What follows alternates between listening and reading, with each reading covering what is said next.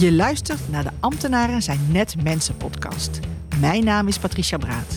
En als veranderdeskundige met inmiddels 20 jaar ervaring sla ik de brug tussen ambtenaren en actieve inwoners. In deze podcast ga ik in gesprek met specialisten en deel ik mijn eigen kennis en ervaring, zodat jij als gemeenteambtenaar geïnspireerd wordt om met plezier en enthousiasme jouw werk echt betekenis te geven. Heel veel luisterplezier.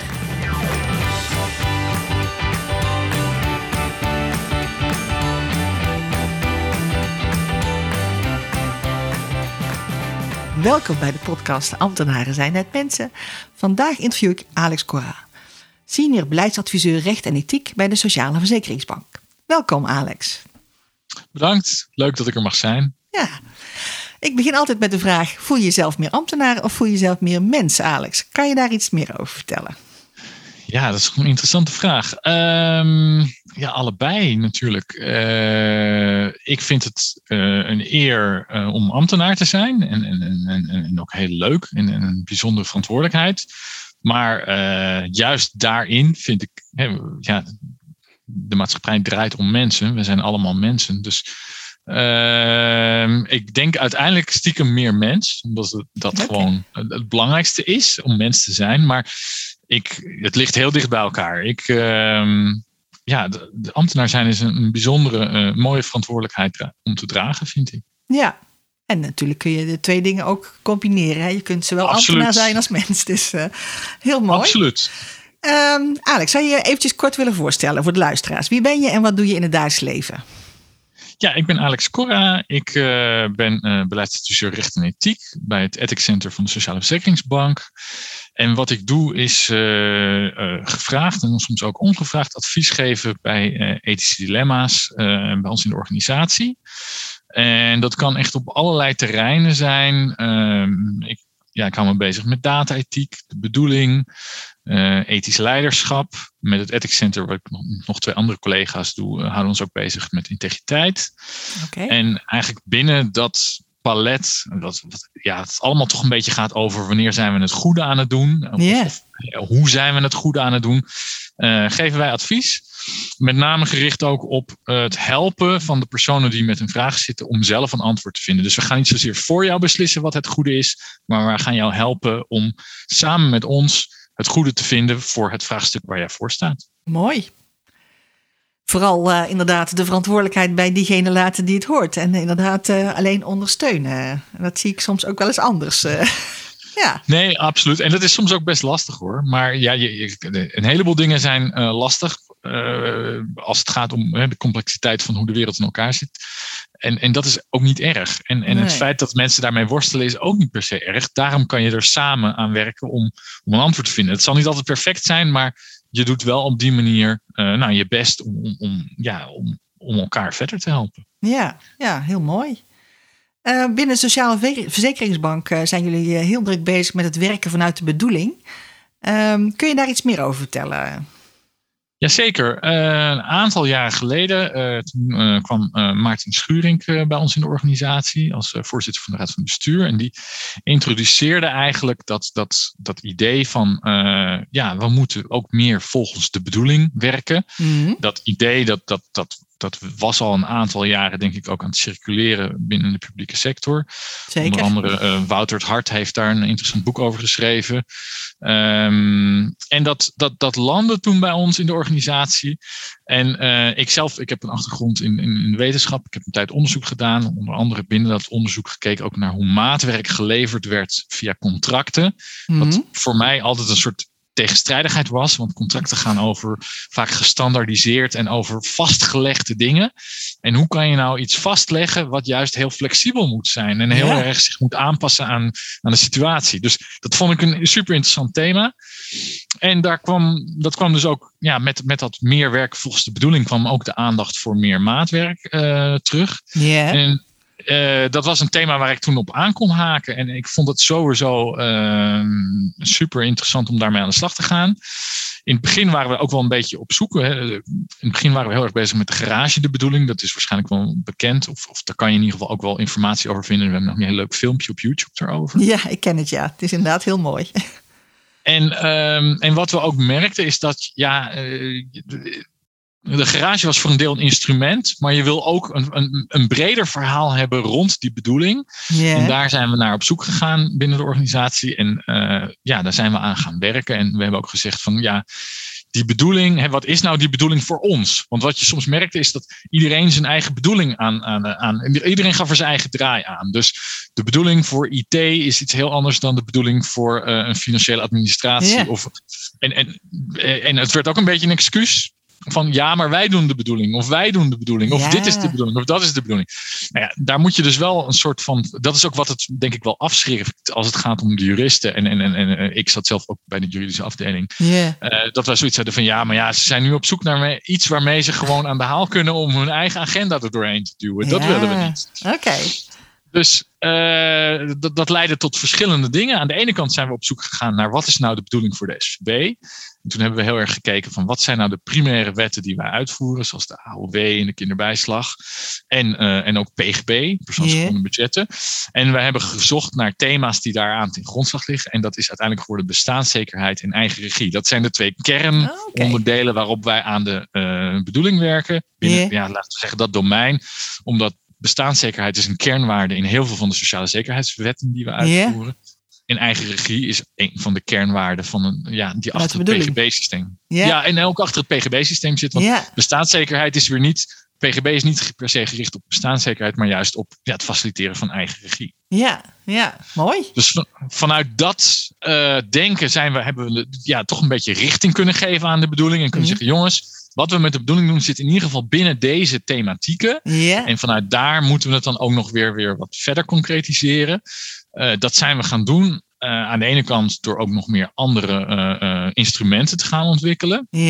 Wat we, wat we hadden was, we hadden natuurlijk die garage. Dat was ook een beetje een soort breekijzer waarmee je allerlei, ja, soms ook wel langlopende kwesties eh, eh, kon loswringen. Als het ging om, jongens, wat zijn we hier nou aan het doen en is dit nu de bedoeling? Ja. En daar hebben we er best wel veel van gedaan. Ik denk dat we, uiteindelijk een vijftigtal garages gedaan. En we hadden een honderdtal aanvragen. Waarbij soms kon je er een paar samenvoegen. En soms bleek een oplossing toch op een andere manier gerealiseerd te kunnen worden. Maar wat we ook merkten was dat die garages soms ook wel. Ja, die, het is ook wel een, een, een ding. Dus het vraagt best wel veel tijd en, en, en, en, eh, ja, en, en, en middelen. En want we in- wilden dus. Want de insteek Ja, van zo'n garage is inderdaad om eh, integraal te kijken naar het probleem met meerdere personen die vanuit hun eigen invalshoek inbreng kunnen, kunnen geven. Hè? Dus je, je hebt inderdaad een re- redelijk grote groep mensen die mee moeten denken over het probleem. Wat op zich heel mooi is, maar wat inderdaad, ik kan voorstellen, ook heel, eh, heel veel inzet vraagt vanuit de organisatie. Ja. de, de kracht van de garages. En je gaat dan ook echt in met een overal aan. En je gaat in een soort van setting. Het wordt echt in een soort metafoor van een kapotte auto. Dat is het Ja. probleem die je gaat oplossen. Dat werkt ook heel. Dat werkt best wel goed ook om bijvoorbeeld de rangen en standen een beetje los te laten. Mhm. Ja. Ehm, maar eh, het, ja, het, het, het vraagt toch ook wel veel tijd om, om, om dat allemaal Ja. te organiseren en om eh, al die mensen eh, bij elkaar te krijgen. Het is heel goed als het gaat om, om system in a room problemen. Ja. Dus het, het problemen waarbij je zegt, ik moet een aantal actoren hebben die, eh, die het moeten voelen en die ook onderdeel moeten zijn van de oplossing. Dat. Bijvoorbeeld als er dus een ketenprobleem is waarbij je meerdere uitvoeringsorganisaties hebt of meerdere partijen bij betrokken zijn, dan, dan maken we het liefst nog wel gebruik van garages. Omdat juist dan dat system in a room systeem kan je dan een soort van nadoen. En dat helpt ook om te voorkomen dat je met z'n allen in een kamer aan het praten bent over de oplossing die eh, Pietje aan de overkant moet uitvoeren, terwijl Pietje er niet was. Nee, nee, precies. En, ehm, maar we hebben ook gezegd, we moeten kleinere dingen hebben die dichter bij huis liggen om, eh, om de mensen mee aan de slag te laten gaan. Ja. Dus we zijn ook andere instrumenten gaan, gaan, gaan ontwikkelen om eh, te helpen eh, ja, iets te kunnen doen met bijvoorbeeld buikpijngevoelens. En daar hebben we twee soorten instrumenten nog naast ontwikkeld. Ja. Eén daarvan is ABBA. Algemene beginsel verborgelijk afwegen. Ehm, en dat is eigenlijk een soort van denk- en doe-stappen voor het goed omgaan met bijzondere gevallen. En dat begint heel erg concreet met, ehm, eh, ja, waar komt die buikpijn nou vandaan? Begrijp de buikpijn. Het, het beginpunt was, wanneer moet je nou maatwerk gaan leveren? En toen hadden we een hele discussie. Ja, moeten we dan een lijst hebben met maatwerk criteria. En, en, dat was nou weer net wat we niet wilden, want Nee. we zaten juist te veel vast in, de, in die geprotocoliseerde stramine soms. Ja, ja, Dus ja. hebben we gezegd, laten we buikpijn als uitgangspunt nemen. ja. Maar dat is natuurlijk ook best wel vrij subjectief. Eh, maar het is geen perfect standpunt, maar het is tenminste iets. En iedereen voelt wel eens een keer buikpijn. Ja, Eh, en, en begin dan met de eerste stap, begrijp je buikpijn. Dus durf te erkennen dat je buikpijn hebt en weet waarom. Is het omdat het zielig is? Is het omdat het onrechtvaardig is? Is het omdat wij een fout gemaakt hebben? Waar zit die buikpijn? En als je nou weet, het is eigenlijk een soort triage. Als je weet waar het probleem zit, dan kan je ook beginnen met het vinden van de oplossing. Mooi. Nou ja, en dan lo- loop je eigenlijk een soort van negen stappen door. Eén stap is ook minimaliseer je aannames, omdat in standaardprocessen zitten vaak aannames opgenomen om te optimaliseren. Hè. Dat- kunnen soms helpen. Maar juist bij maatwerk moet je daar heel erg voor oppassen. Want het maatwerk gaat vaak over de bijzondere aard van een situatie. En dan, dan moet je heel erg op feiten kunnen bouwen van die bijzondere aard. En als je dan op allerlei aannames bouwt en het klopt later niet, ja, dan stort Dan eigenlijk het- als een kaartenhuis je hele legitimering van dat verhaal in. Eh, een ander element is eh, kijk breder dan je neus lang is. Dus durf ook andere perspectieven in te nemen dan je eigen perspectief.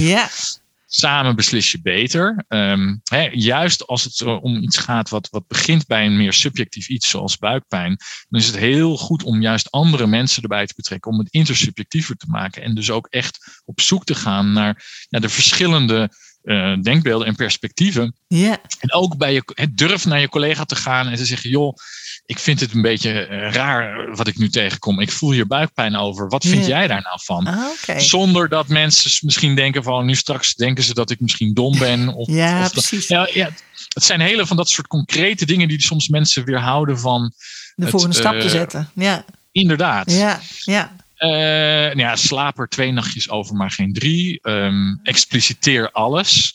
Want je merkt soms ook wel dat mensen soms wel een goed idee hebben over, over wat een mooie maatwerkoplossing is. Maar dan, dan niet goed uitleggen het waarom en het hoe en eigenlijk alle stappen die erin genomen zijn.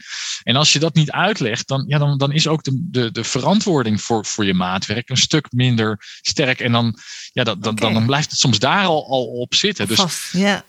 Mooi. Hey, Vind ik een hele mooie stap ook. eh, eh, omdat het ook inderdaad ook heel veel mogelijkheden geeft om inderdaad eh, te laten zien waarom je die andere stap hebt gezet. Hè? Want dat weerhoudt mensen inderdaad, omdat ze denken, ja, dit past niet in het systeem zoals het nu is. Ja.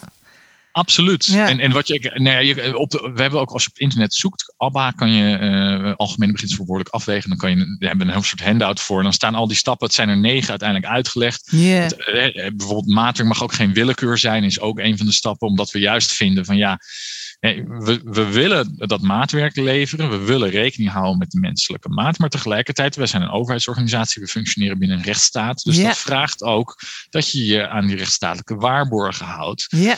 En ehm, dus ja, da- daar moet je ook aandacht aan geven. En juist door die stappen te, be- te bewandelen, door goed over het probleem na te denken, door breder na te kijken, door goed uit te leggen wat je doet. En waarom dit geval bijzonderder is. En waarom bijvoorbeeld de regel die je moet toepassen eigenlijk een, een ongewenste uitkomst geeft. Als je dat allemaal veel beter uitlegt, dan heb je vaak al heel veel ruimte om te nemen. Dan hoef je niet eens echt tegen de wet in te gaan. Nee. En als je dan toch tegen die wet ingaat, daar hebben we dan ook nog een heel ander proces voor. Waarvan ik kan zeggen, nou ja, we registreren dat. En we kunnen een bewuste keuze maken om in een bepaald geval. Een andere ehm, keuze te maken. Een andere keuze te maken. En daar Ja. rapporteer je ook helder over naar je eh, eh, opdrachtgevers en, en, en, en, en, en, naar je bestuur. eh, en ook naar het ministerie. Zodat je ook op basis daarvan kan zeggen, nou maar kijk, hier zitten misschien wel knelpunten in de wet en regelgeving. Dus ja. Ja. dan wordt het een, een, een heel ander soort proces. Ja. Veel meer ingebed in het geheel, om het zo maar te zeggen. Ja. Mooi om op die manier de ruimte te vinden. Ja, ik vind het ook En heel ander- mooi dat jullie als uitgangspunt het gevoel hebben genomen. Dat zie je ook niet heel Ja. vaak eh, binnen de overheid. Erg mooi. Ja, En wat natuurlijk heel interessant is, is als, als ambtenaar en, als, en specifiek als jurist he- zit je tussen twee dingen klem. Aan de ene kant het opereren zonder aanziens des persoons. Maar met name als je ook in die verzorgingsstaat werkt, eh, eh, die, die gericht is op het helpen van anderen, dan moet je ook met aanzien van persoons Ja. eh, denken. Want de kern van, van, van, ja, van het helpen van die mensen vanuit de verzorgingsstaat is dat je uh, ja, op een bepaalde nadeelcompensatie wil realiseren. En dat kan je het beste doen door goed te weten waarom iemand nou in een lastigere situatie zit. Dus hoe kan ik jou helpen? Dat vraagt om aanzien des persoons. Ja. En tegelijkertijd dat juridische zegt, ja, maar we willen zoveel mogelijk gelijke gevallen gelijk behandelen. Ja, ja. Wat overigens uh, ook betekent ongelijke in, gevallen in gelijke mate ongelijk behandelen. Hè? Dus daar zit, dat, dat is de meer ingewikkelde kant ervan. Ja, precies. En dat, en dus je moet dat spanningsveld aandurven gaan. En dat is ook waarom we meer met ethiek bezig zijn naast het recht. Omdat we zoiets hebben van ja, um, het gaat niet alleen altijd om, om, om het recht en, en, en is het rechtmatig, maar ook soms om de grijze gebieden die daar omheen zitten. En dan is het goed, dan kan bijvoorbeeld ethiek kan daarbij helpen om dat soort grijze gebieden makkelijker te navigeren. Dus ja die spanning van hè, durven we het subjectieve en het objectieve samen te brengen. Ja. In plaats van heel vaak zie je dat mensen aan de uiterste gaan zitten. Dus of ze gaan volledig in het subjectieve, of ze gaan volledig in het objectieve. In objectieve ja. En, en juist in het midden, wat het engste gebied is, want daar zit de grens van waar je het wel of niet goed doet, ja. daar zou je meer naartoe moeten durven. En uh, ja, dat is de uitdaging. Hè? Ja. Comfortabeler worden met oncomfortabel zijn door naar dat middengebied te gaan. Ja. Het nuancegebied. En die nuance, die is heel eng, want die kan de ene keer de ene kant op ja. gaan en de andere keer de andere kant op. Maar als we daar meer naartoe gaan en daar beter in worden, kunnen we denk ik ook beter ruimte voor de menselijke maat maken. Ja, nou ja, wat ik mooi vind is dat je ook uh, handvaten maakt om uh, uiteindelijk dat ongemakkelijke midden uh, te hanteren. Hè? Dus je geeft mensen eigenlijk wel mogelijkheden om daar op een goede manier mee om te gaan. En dat helpt heel erg. Hè? Want als je inderdaad helemaal niet weet uh, wat je stappen daarin zijn, dan is dat voor heel veel mensen best wel een moeilijke, een moeilijke stap om te nemen. Ja, Klopt. mooi. Je, je gaf ja. aan twee, twee ja, methodes. Ja. De andere is die we hebben dus de perspectiefcirkels door een aantal collega's ook ontwikkeld. En, en dat is eigenlijk dat we gezegd hebben, ja, er zijn een aantal perspectieven die voor ons leidend zijn als organisatie. En dat is het, het, het, het maatschappelijk perspectief, het juridische en het bedrijfseconomische. Yeah. En wij moeten, maatschappelijk hebben wij een bepaalde opdracht. Yeah. Juridisch, we, we moeten juridisch uh, conform de wet en regels uh, opereren en ook in, ja, in lijn met de rechtsstaat. Yeah. En uh, bedrijfseconomisch, ja, wij zijn een publieke uh, organisatie, dus we worden gefinancierd met publiek geld. En dat vraagt dat je dat op een goede manier en efficiënt en effectief en uh, wel doordacht besteedt, om het yeah. zo maar te zeggen. Yeah. En die drie perspectieven, die spelen heel vaak bij moeilijke vraagstukken. Alleen wat je vaak ziet, is dat er maar één perspectief eigenlijk uitgelicht wordt. Oh, okay. En dan, wat, je, wat wij wel eens zagen, is dat um, een vraagstuk komt in de organisatie. Het wordt vanuit één perspectief helemaal uitgedacht en dan wordt een oplossing voor gevonden. Dan komt het op een ander, andere plek waar men een ander perspectief inneemt. Wat een volledig andere inkijk is, waar ook een hele andere oplossing gekozen wordt. En dan komt het weer op een ander uh, niveau. En dan zeggen ze: ja, maar nee, dit, het moet zo. Dus wat je soms. En, en dat maakt dat, uh, dat men soms langs elkaar heen praat. Ja, ja, ja. En wij hebben zoiets van, ja, als je nou die, jezelf dwingt om die drie perspectieven in te nemen en ook voordelen en nadelen van jouw oplossing uh, vanuit elk van die drie perspectieven te, te formuleren, dan, uh, dan, dan ben je met een veel breder palet aan argumenten aan het kijken naar wat willen we hier nu doen. En, uh, en dat geeft ja, betere afwegingen. Of, of in ieder geval ruimer uh, afgewogen uh, beslissingen. En dat is dus een instrument dat we ook inzetten, waarbij soms mensen individueel, maar vaak ook in een soort sessie, Oh, Oké. uh, zegt: Nou ja, nu nemen jullie even dit perspectief in. En dan, dan wisselen we later van perspectief. En dat helpt ook om de mensen. Uh, een soort van dwingen om even uh, het van een, ander perspectief te, te bekijken. Hè? Dus nou ja, nu zijn jullie het juridisch perspectief. En uh, dan gaan we bijvoorbeeld kijken naar wat zijn de aspecten die hier aan dit probleem zitten. En daarna gaan we naar de oplossing kijken. Maar dan moet je even het vanuit maatschappelijk perspectief Ja, ja, ja, ja, ja. Dus die verschillende manieren van naar dingen kijken, dat is ook een van de tools die we, die we proberen in te zetten. En zo. En we hebben uiteindelijk ook een, een, een werkplaats gecreëerd, een maatwerkplaats binnen onze organisatie. Ja. Die, uh, waar dan die tools ook ingezet kunnen worden. Dus dat zijn per kantoor zijn er, is er een groep. Uh, er is een centrale groep, maar er zijn ook lokale groepen van, van medewerkers die ja, uh, bezig zijn met, met nadenken over hoe je maatwerkvraagstukken uh, kan oplossen. En ook bepaalde alternatieve handelingsscenario's uitvoeren. Als het gaat om bijvoorbeeld extra bellen naar burgers als er bepaalde bij beslaglegging boven een bepaald bedrag. Yeah. Of ehm, ja, een kaartje sturen op het moment dat je geen contact krijgt. Nou, dat soort dingen zijn wij in de organisatie aan het doen. Ja. Uh, maar het blijft ook nog een uitdaging, want uh, opschalen, dat blijft het grote ding. Ook ja, ja. ja. Want waarom denk je dat dat zo'n probleem is, dat opschalen? Want ja, er gebeuren hele mooie dingen als ik het zo hoor. Ehm, maar het kost moeite om het inderdaad door de hele organisatie heen neer te zetten. Ja, omdat het dan ook ergens in zekere zin pijn gaat doen. Eh, ethiek is, daar ben ik dan heel veel mee bezig. Ethiek gaat ook vaak, wordt interessant als het pijn gaat doen. Als er een keuze gemaakt moet worden die, die ergens ten koste van iets anders gaat. En dat, dat, dan wordt het ook moeilijk. Ja. En wat het idee wat ik heb is dat op het moment dat je bepaalde fundamentele keuzes moet gaan maken over de inzet van middelen en over hoe je je organisatie inricht, en dan kost dat iets. En dat gesprek ja, dat moet je constant opnieuw blijven voeren. En dat is soms een heel lastig gesprek. Omdat we willen zoveel dingen tegelijk. En yeah. wij willen als maatschappij dingen veel dingen tegelijk. We willen als politiek of als, als, ministerie veel dingen tegelijk. We willen als organisatie veel dingen tegelijk. Dus dat blijft een, een, een, een, een, een lastig iets. Ook omdat als je kijkt naar hoe management toch functioneert.